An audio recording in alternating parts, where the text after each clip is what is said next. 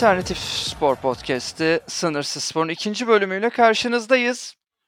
Bu hafta Sınırsız Spor dahilinde ağırlıklı olarak Euroleague ve Avustralya açığı konuşacağız ama kış sporlarını da es geçmeyeceğiz. Programımızın temelini ise e, geçen hafta olduğu gibi Euroleague ve Avustralya açık oluşturacak. Dilerseniz Euroleague'le başlayalım. Bu hafta iki temsilcimiz de e, Euroleague'de sahne aldılar. Tıpkı geçen hafta olduğu gibi ve bir maçta sevinirken bir maçta üzüldük. Dilersen ilk olarak senden bir kısa Euroleague yorumu alalım. Ondan sonra ben de biraz daha ayrıntılı olarak Euroleague'i değerlendirmeye çalışacağım. Evet, Fenerbahçe uzun zaman sonra yine ufak da olsa bir galibiyet serisi yakaladı. Monaco maçı kolay değildi. O yüzden orada gelen galibiyet çok değerli. Yani umarız ki yakın zamanda sezon başındaki o formuna tamamen geri döner Fenerbahçe. Dediğim gibi bir maçta sevinip bir maçta üzüldük. Efes de evinde Bayern yenilgisiyle birlikte istikrarsız olmaya devam ediyor. Sana soralım Efes nasıl toparlar sence bu noktada? Yani Efes'in toparlamak için biraz zamana ihtiyacı var. Çünkü yani düzenler biraz bozulmuş gibi gözüküyor. Yani Efes'in normal sezonu biraz daha rolantide geçmesine alışkınız esasında. Efes'in yani sezon içerisinde çok fazla vitesi yükselttiğini geçen sezon da esasında hatırlamıyoruz. Yani Efes daha çok hedef maçlarda kendisini belli ediyor ki geçen hafta Barcelona galibiyeti bunun en önemli göstergelerinden biriydi. Ama Bayern Münih karşısında beni en çok şaşırtan şey şu oldu. İşin savunma kısmında belki de 3 sezonluk bu süreç içerisinde yani Anadolu Efes'in şampiyonluk adayı olarak sahne aldı bu son 3 sezonda ilk kez bu kadar kötü bir dış savunması gördüm ben Anadolu Efes'te. Bayern Münih gerçekten her istediği şutta, her istediği topta yani maksimum sonucu almayı başardı. Çok ciddi bir üçlük yüzdesiyle oynadılar ve Anadolu Efes buna bir türlü çözüm üretemedi. Bir de işin hücum kısmında da problem vardı. Şöyle ki Anadolu Efes'te genel itibariyle bu sezon Clyburn'un yük taşımasına alışkınız. Geçen yılki ve ondan önceki sezon yani son iki sezona baktığımızda Miçic Larkin ortaklığı tabii Larkin'in de sakatlığı sebebiyle biraz daha az bu sezon karşımıza çıktı ama Clyburn'un hücumdaki kötü performansı ve bana soracak olursan yorgunluk kaynaklı olan bu düşüşü Anadolu Efes'i hücumda da sıkıntılara itti. Pota altında zaten oyuncuların büyük kısmı yaş itibariyle ilerlemiş oyuncular. E, yerli rotasyondan da katkı alamayınca Anadolu Efes için işler zora girdi. Bayern Münih'te enerjiyle oynayan bir takım. Yani dış şut ağırlıklı oynayan bir takım. E, Efes'in özellikle savunma temposu, set temposu düşük olunca da bunu dış şutlarla çok iyi cezalandırdılar. Fenerbahçe Beko için şunu söyleyebiliriz. Monaco maçı senin de vurguladığın gibi çok zorlu bir maçtı ve yani bence Fenerbahçe Beko'nun hedef maçlarından biriydi. Çünkü Monaco şu anda playoff potasının içerisinde sezonun en iyi ve en formda takımlarından biri. Onlara karşı gelen bu galibiyet hem yeniden bir mini seri getirdi hem de bence özgüveni arttıran bir galibiyet oldu. Euroligi böyle bir derleyip toparladık. Fenerbahçe ve Anadolu Efes özelinde. Fenerbahçe, Beko ve Anadolu Efes'i biraz daha ayrıntılı ele aldık ama bana soracak olursan bu haftanın en büyük Euroleague olayı bilet kriziydi. Yani biletler satışa çıktı ve ben bilet alabilen çok fazla insana denk gelmedim. Evet. Evet ben de çok tepkilendim bu bilet olaylarına. Biraz Twitter'dan da tepkilendim. Ee, ya biletler sat- salı günü satışa çıktı ve sadece tek bir resmi satış sitesi vardı. Ama tabii ki siteye girmek de çok zordu. Girdikten sonra bilet bulmak da imkansıza yakındı. Ve zaten birkaç saat içinde de Euroleague biletlerin tükendiğinin anonsunu da yaptı. Fakat sorun şu. Viagogo gibi bu third party siteler önceden toplu bir e, bilet alıp açıklanan fiyatın 3 katına falan satıyor biletleri. Ve Euroleague biletler tükendi anonsunu yapsa bile hala orada biletler satılmaya devam ediyor. Yani bir başka deyişle biletleri açıklanan fiyattan almak neredeyse imkansız oluyor ve bu uygulama kara borsaya da inanılmaz bir destek sağlıyor. Yani Euroleague bu bunun önüne niye geçmiyor bilmiyorum. Birkaç sene önce mesela resmi satış kanalı Viagogo'ydu. Hani bari yine öyle olsun. Um, ne sonuç olarak bir şekilde bilet alabildik ama yani çok sinirlendim. bu arada baktım yani bu bölümü çekmeden önce de baktım Viagogo'da hala biletler var. Ve dediğim gibi yani üç katına satılıyor ilk başta açıklanan fiyatların. Ya, Viagogo'da o bilet satışı tabii şeye kadar yani Final Four'un başladığı güne kadar devam edecek. Çünkü sen elindeki bileti oraya yükleyebiliyorsun. Yani aslında sistem bu şekilde beslenmiş olacak ama şöyle bir problem var. Senin e, vurguladığın gibi temel sorun şu. E, yanlış hatırlamıyorsam 6 bilet alabiliyorsun. Yani bir kişi en fazla 6 bilet alabiliyor. İnternet sitesi büyük ölçüde çöktü. Evet. Yani işlem yapılamadı. E, onun dışında tabii bunun alternatifi olarak bir de gişeden satışlar var Litvanya'da. E, böyle olunca da e, gişeden alanlar e, kişi başı 6 bilet aldın diyelim ki. E, sen 2-3 kişi gittin geriye kalan 3 bileti zaten e, kara borsa satmaya almış oluyorsun aslında. Yani sistem o şekilde besleniyor. Ya bir de ben şuna çok şaşırdım şimdi. Satış yerlerine baktım internet sitesinden. Ya problem şu gişeden satıyorsun bu zaten ayrı bir dezavantaj. Yani internetten almak isteyen için. Çünkü internette sen işlem yapamadın. Abi gişeden bilet satıyorsun. Hadi bunu da kabul ettik. Yani markette bilet satıyorsun. Ya markette EuroLeague Final Four'u bileti satıyorsun. Yani ya bu gerçekten çok garip bir şey. Ya ben şeyi de anlamadım bu arada. Yani tek satış kanalı mantıklı olabilir ama bence tek satış kanalının ya yerel bir bilet sağlayıcı olmaması lazım. Yani sen tıkladığında seni Litvanya'nın işte bilet sitesine yani Litvanya'nın işte bilet x'ine seni yönlendirmemesi lazım. orada şöyle bir çözüm üretilebilir Euroleague için. Ya bunu yaparlar mı bilmiyorum. Altyapı belki biraz zahmetli ama sen Euroleague'sen bir tane satış kanalı kurarsın. bu kanal herkese açık bir kanal olur. Yani Euroleague bileti com.tr olur burada. İşte İspanya'da Euroleague bileti galiba internet uzantısı S ile bitiyor. Nokta S olur. Yunanistan'da işte Euroleague bileti nokta gr olur. Böylelikle sen herkese onu bölüştürmüş olursun. Ve tek kanaldan da şeyi kurtarmış olursun. Ya aynı işlemi pek çok farklı kanaldan yapma şansı tanırsın. Yani Euroleague'e de buradan seslenelim. Umarız bu durumu toparlarlar. Yani çünkü gerçekten hem mağduriyet hem dediğin gibi kara borsa bir de bununla beraber insanların yaşadığı bir belirsizlik durumu da var. Yani Evet. Ya o da bir ayrı problem. Ya bir de EuroLeague'in marka değerine bence prestijine de zarar veren bir süreç bu. Yani NBA'de de var kara borsa satışlar vesaire ya da diğer büyük spor organizasyonlarında da var bu. Ya yani bunun önüne geçmek neredeyse imkansız. Ama evet. her şey çok daha iyi ve kurumsal işliyor. EuroLeague'de önemli eksiklerden biri bu. Neyse biraz gerildik, böyle bir üzüldük, sinirlendik. Biraz daha böyle bir neşeli tarafa geçelim dilersen. Bir kış sporları turu yapalım ve sen alp disipliniyle başta istersen sonra kayakla atlamada yine karşılıklı bir değerlendirme yaparız ama alp disiplini kısmını sana bırakalım. Bir kayakçı olarak sen değerlendir. Evet erkeklerde bu hafta Kitzbühel'deydik. E, Kitzbühel Hanıkam yarışlarıyla ünlü. Benim için de çok özel bir yer. Özellikle inişteki Streif pisti yani Dünya Kupası'nın belki de en zorlu, en korkutucu pisti. Bu yüzden de en prestijli yarışlardan biri. Ee, aynı zamanda da bu özelliğinden dolayı hataya çok açık bir yarış. Bu hafta iki iniş bir slalom yarışı oldu Kitzbühel'de. İniş yarışlarının ilkinde iki favori Alexander Kilde ve Marco Odermatt iki büyük kazanın ucundan dönüp yarışı pek istedikleri noktada bitiremediler. Hatta Odermatt'ın dizinde bir problem oldu. O yüzden ikinci yarışta da yarışamadı.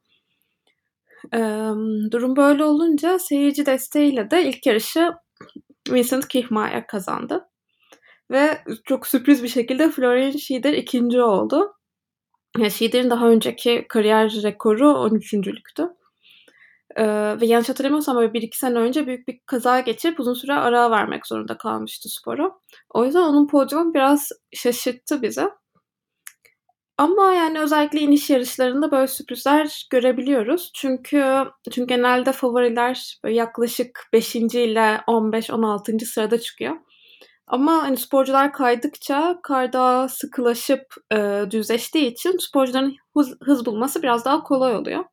O yüzden bazen daha geç çıkan sporculardan bu tarz sürprizler göre görebiliyoruz. Özellikle kar yeni yağmışsa ki Kitzbühel'deki durum da buydu, sürprize her zaman daha açık bir yarış oluyor, daha keyifli oluyor. Eee, hafta sonu bir iniş yarışı daha oldu. Bu sefer Kiel'de neden güncel iniş lideri olduğunu göstererek kazanmaya kazanmayı başardı bu yarışı. Emm, bu hafta sonunun benim için sürprizlerinden biri Dominic Paris'in Kitzbühel'de podyum bulamaması oldu. Çünkü Kitzbühel'i çok seven sporculardan biri. Emm, bu arada aynı zamanda da metalci bir abimiz Dominic Paris. Rise of Voltage isminde bir metal grubu var. Tavsiye ediyorum diyemeyeceğim. Pek iyi değiller bence ama güçlü, brutal vokalleri de var Dominic Paris'in. Hepimizin hataları oluyor tabii. Kaliteli müzik seviyor. Dilersen Dominic Paris demişken, İtalya demişken ben de şöyle bir ufak katkıda bulunayım. Yani kadınlarda da mücadele devam ediyor. Kadınlarda da Cortina d'Ampezzo'daydık ki Cortina d'Ampezzo özellikle olimpiyatlara ev sahipliği yapan ikonik duraklardan biri olarak hep hafızalarda kalır bilinir. Orada da Sofia Goccia önemli bir dominasyona imza attı. Gerçekten bu sezon iniş yarışlarında müthiş performans yakalıyor. Ben Mikaela Schifrin'e üzüldüm. Son e, sektöre kadar e, şansı vardı. 0.25 saniye uzandaydı tarihte en çok Evet. e, yarış kazanan kadın sporcu olma rekorunda ama son sektörü kötü geçince olmadı. Ben de böyle bir e, katkı sunayım ve kayakla atlamaya geçelim dilersen. Kayakla atlamada Sapparo'daydık. Bu arada kayakla atlamaya geçmeden şunu da eklemek istiyorum e, Alp disiplinine. Hani bu haftanın belki de en önemli olaylarından biri de Kitzbühel'de Beat Feuz'un 2022 Pekin Olimpiyat e, iniş şampiyonunun son yarışına çıkıp emekliye ayrılması oldu. Ve genelde diğer sporcuların yaptığı gibi özel bir kıyafette değil, bayağı iddialı bir şekilde yarışarak veda etmeyi tercih etti. Bu yüzden de ben çok takdir ettim kendisini. Yani bu da bu hafta sonunun Alp disiplinleri açısından önemli olayıydı. Benim e, beynim onu direkt e, reddetmiş. Yani çok gerçekten sevdiğim ve ya kız Evet. akla gelen ilk isimlerden biri Beat Feuz. Yani kendisine iyi bir emeklilik diliyoruz çünkü hak etti. Gerçekten müthiş bir Hakikaten. Gerçekten performans. çok başarılı. Çok rekabetçi bir isim. Ee, emekli olan bir Beat Feuz var ve emekli olmayanlar da var. Konusunda emekli olmayanlar. Ee, atlamaya böyle geçelim. Ee, emekli olmayanlar demişken tabii e, Noriaki Kasai'den başlayalım dilersen. Ee, sonra Kobayashi ile beraber aslında bir e, hafta sonu toparlaması da yaparız. Zaten 3 yarış vardı hafta sonunda. Cuma, cumartesi, pazar. Elemeleri de dahil edersek 6 yarış izlemiş olduk. Bu açıdan Sapporo keyifliydi. Sen Norek Kasai ile ilgili olarak neler söylersin? Gerçekten çok keyifli bir hafta sonuydu. Norek Kasai'yi tekrar izlemek, tekrar atlayışlarını izlemek. Ee, iki eleme de yarıştı. Ne yazık ki elemeleri geçemedi. Gerçekten hani ben açıkçası kendi açımdan e, yarışlardan daha büyük yani yarışlardan daha büyük bir heyecanla takip ettim elemeleri Norek Kasai geçsin diye. Ama yani iki elemelerde de ucundan geçemedi. Her şeye rağmen yani çok keyifliydi izlemesi. Umarız ki yakın zamanda da emekli olmaz, devam eder. Yani çok emekli olmaya niyeti yok. Norek Kasai'nin onu söyleyebiliriz. Ya ben şeye çok üzüldüm. İşte elemelerden birinde 51. bitirdi. Evet. Yani şey düşündüm. Yani biriniz bari saygıdan kötü atlayın. Yani geçsin. Hani belki bir Evet, daha yarışmaz. Yani saygıdan biriniz geçin ne olacak? Evet, ben tabii öyle olsam kötü olmuyor. atlardım. İşte seni kadar e, düşünceli olamıyor e, maalesef ki sporcular. Onların gözüne hırs bürümüş durumda. ya bayağı yani bir kereliğine 51 kişi izin verseymiş Efes yani. Çok üzdü Bunları gerçekten konuş- 51.lik. Bunları konuştuk özellikle e, işte FIS wildcard versin diye. Hatta benim şeye Sandro Berti'yle de böyle bir sorun vardı. Wildcard olur mu diye özellikle Kasai'yi vurguladım. O da şey dedi. e, Bir kişiye verilen bir e, hak diğer kişilere de verilmek durumunda kalır uzun vadede. O yüzden yapamayız istesek de dedi. O da kendi açısından haklı. Yani Kasai ile üzüldük. Tabii Japonlar için de Kasai'nin performansı üzücü oldu ama Japonları sevindiren bir isim de vardı. Kobayashi. Ve sezonu Sapparo'da açtı diyebiliriz herhalde Kobayashi için. Şunu da vurgulayalım. Geçen hafta Dünya Kupası mücadelesine gelmedi Japonlar. Kendi evlerinde Sapparo'da bu hafta sonuna hazırlandılar. Kobayashi dışında ev ödevini yapan çalışan olmamış herhalde. Ama Kobayashi gerçekten tüm ödevlerini eksiksiz yapıp harika bir hafta sonu geçirdi. Sen neler söylersin? Evet Kobayashi gerçekten sezonu Sapporo'da açtı. Dileriz ki Sapporo'da kapamaz. Ee, e, herkesi şaşırttı bence Sapporo'daki performansı. Yani beni çok şaşırttı. Sezona yani kötü başlamıştı.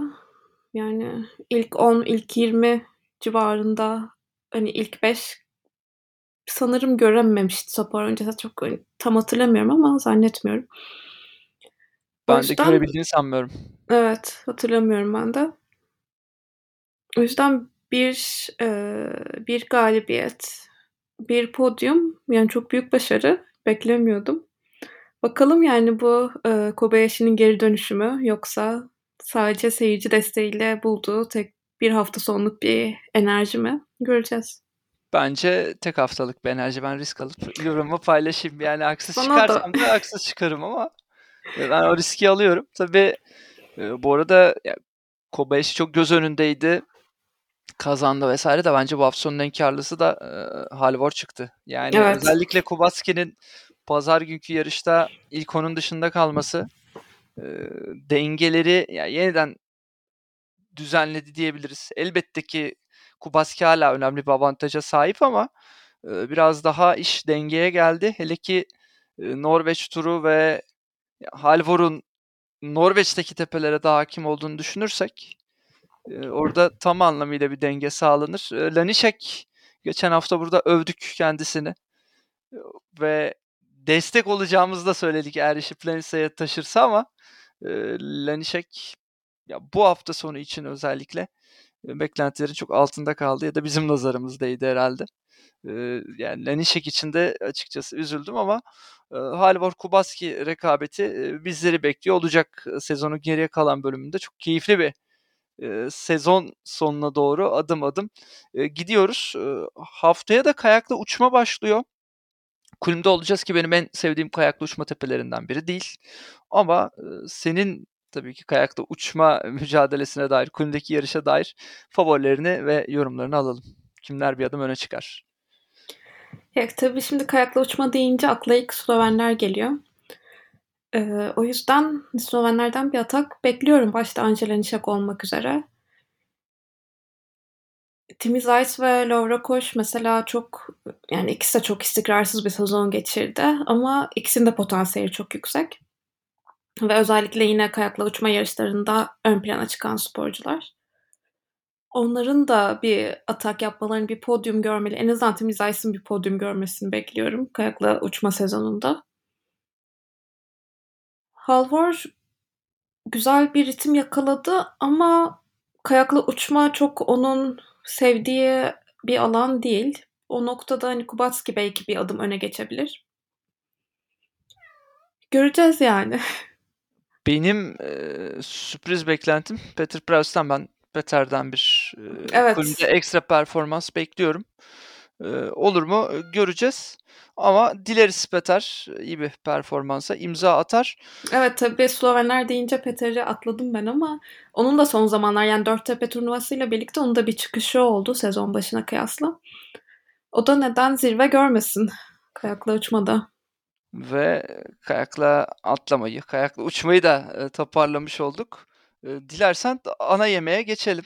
Ve yani tatlı da aynı zamanda e, bu kodu. Hem ana yemek hem tatlı. Avustralya açık. Avustralya açığında ilk haftası geride kaldı. Ne umduk ne bulduk diye bir konuşalım dilersen.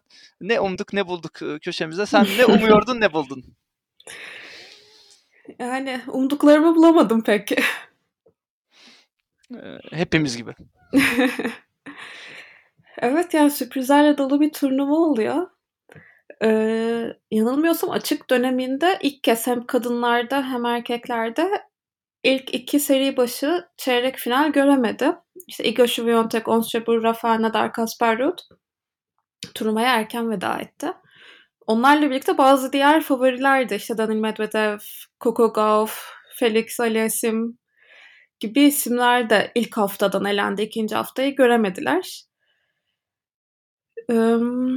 Yani benim geçen hafta yaptığım iki tahmin de elendi ilk haftadan.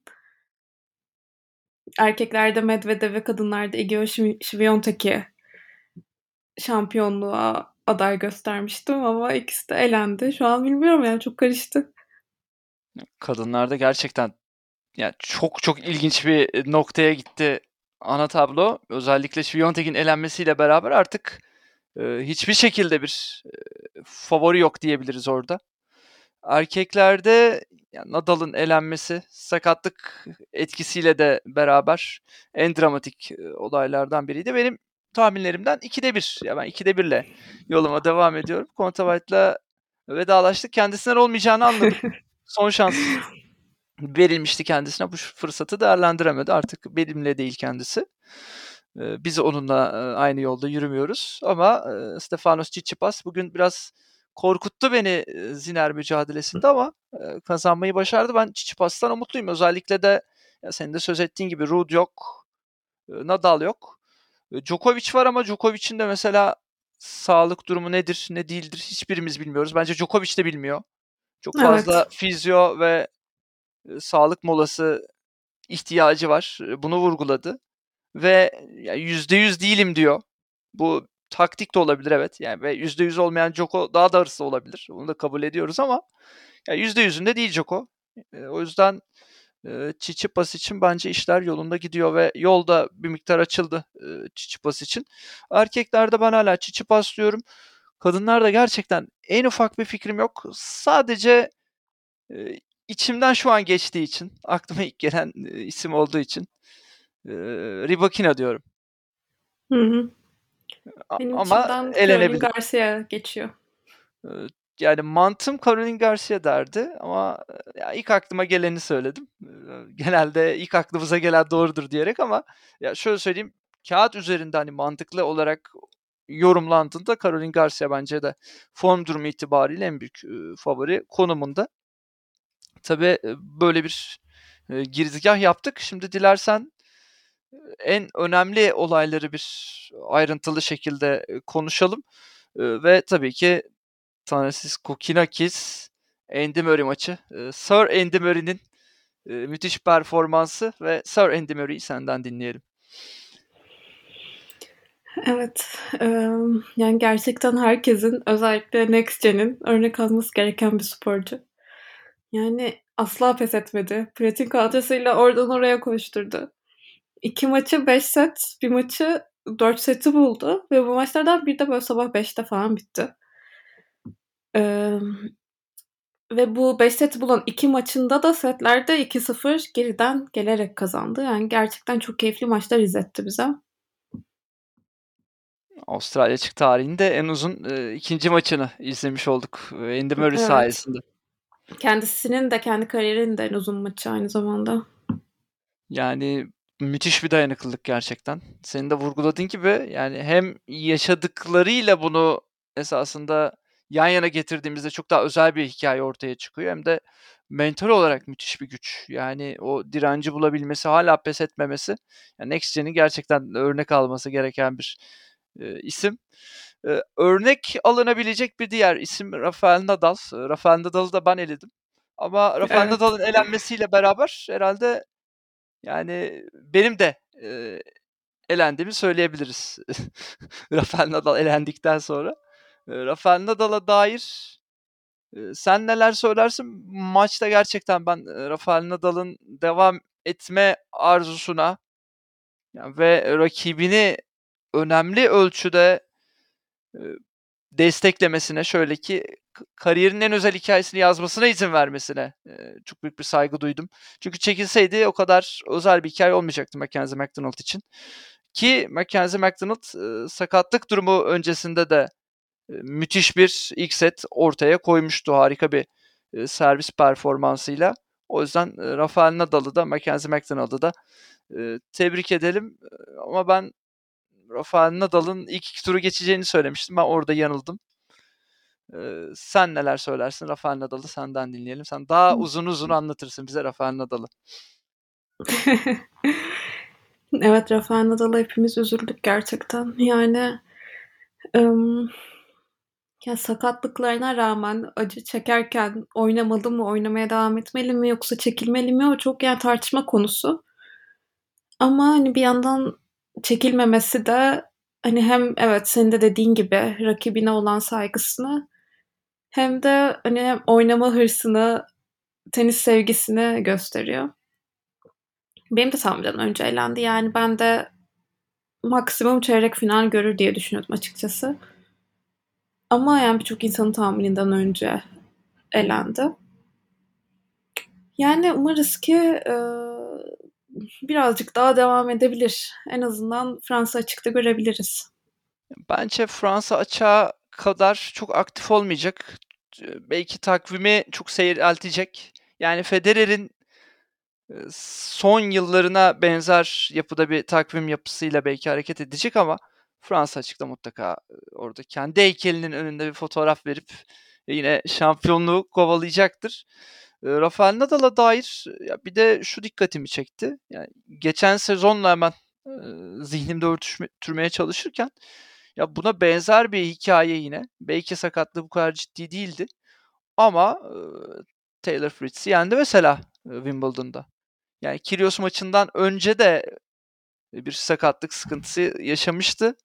Yarı finalde Kyrgios karşısında devam edememişti Rafael Nadal ama onun öncesindeki maçta Taylor Fritz'i mesela yine çok zorlanarak rakibine saygıdan devam ederek ama mücadele de ederek bir şekilde kazanmayı başarmıştı ki Mackenzie McDonald karşısında da bir servis kırma puanı buldu o haline rağmen o sakatlık sürecine rağmen yani çünkü tamamen e, returnlere odaklandı ve yani tarihin en iyi returncülerinden biri olduğunu gösterdi. Sonrasında belki bu performansı devam ettiremedi sakatlığından dolayı ama yani bence evet saygıdan devam etti. Maçı kazanmayı beklemiyordu ama o savaşçı ruhuyla o Taylor Fritz maçı da aklının bir köşesinde duruyordur. O da aklına gelmiştir Nadal'ın. Bunu da e, vurgulamış olalım. Ve Avustralya açık e, bahsini kapatırken dilersen e, son kez bir tahmin yapalım. Hazır ikinci hafta başlıyorken ve opsiyon çokken ben kadınlarda tahminimi söyledim. Yani Elena Rybakina'dan yana kullanıyorum. E, tahmin hakkımı mantığım Caroline Garcia diyor. Sen Caroline Garcia dedin. E, erkeklerde ben Stefanos Tsitsipas'ın hala arkasındayım. E, senin erkeklerdeki tahminin ne olacak? Ben erkeklerde risk alıp Holger diyorum. E, güzel. Yani bu riskler ve Holger Rune dediğinde Holger Rune'nin e, zaferleri alıştığımız bir durum. e, Holger Rune ailesi ilk Grand Slam için evde hazırlıkları e, yapmaya başlayabilir. Ya beni de davet etsinler. Umarım davet ederler. Ya, yani ailesi bu kadar inanmıyor çocuğa gerçekten. Ya onu gördük canım. Onu gördük. Evet. Yani Paris Masters'ta verdiğin desteği gerçekten ailesi vermiyordur ve inanmıyordur bu kadar. Yani e, Rune ailesinde bir zafer kutlaması olacaksa seni de e, davet etmeleri gerekiyor. Buradan da e, seslendik. Sınırsız sporu eğer dinlerlerse hem keyifli bir podcast dinlemiş olurlar hem de tabii ki bu çağrımıza bir e, karşılık verebilirler. Dinleyeceklerinden şüphem yok. Benim de yok. Benim de yok ve bu keyifli haftayı bu keyifli diyalogla beraber dilersen noktalayalım. Çok teşekkürler. Keyifli bir program için. Bizlere destek olan dinleyen herkese çok teşekkürler. Keyifli ve spor dolu bir hafta diliyoruz. Alternatif sporların konuşulduğu podcast Sınırsız Spor'da ikinci bölümün sonuna geldik. Bizlere eşlik ettiğiniz için teşekkürler.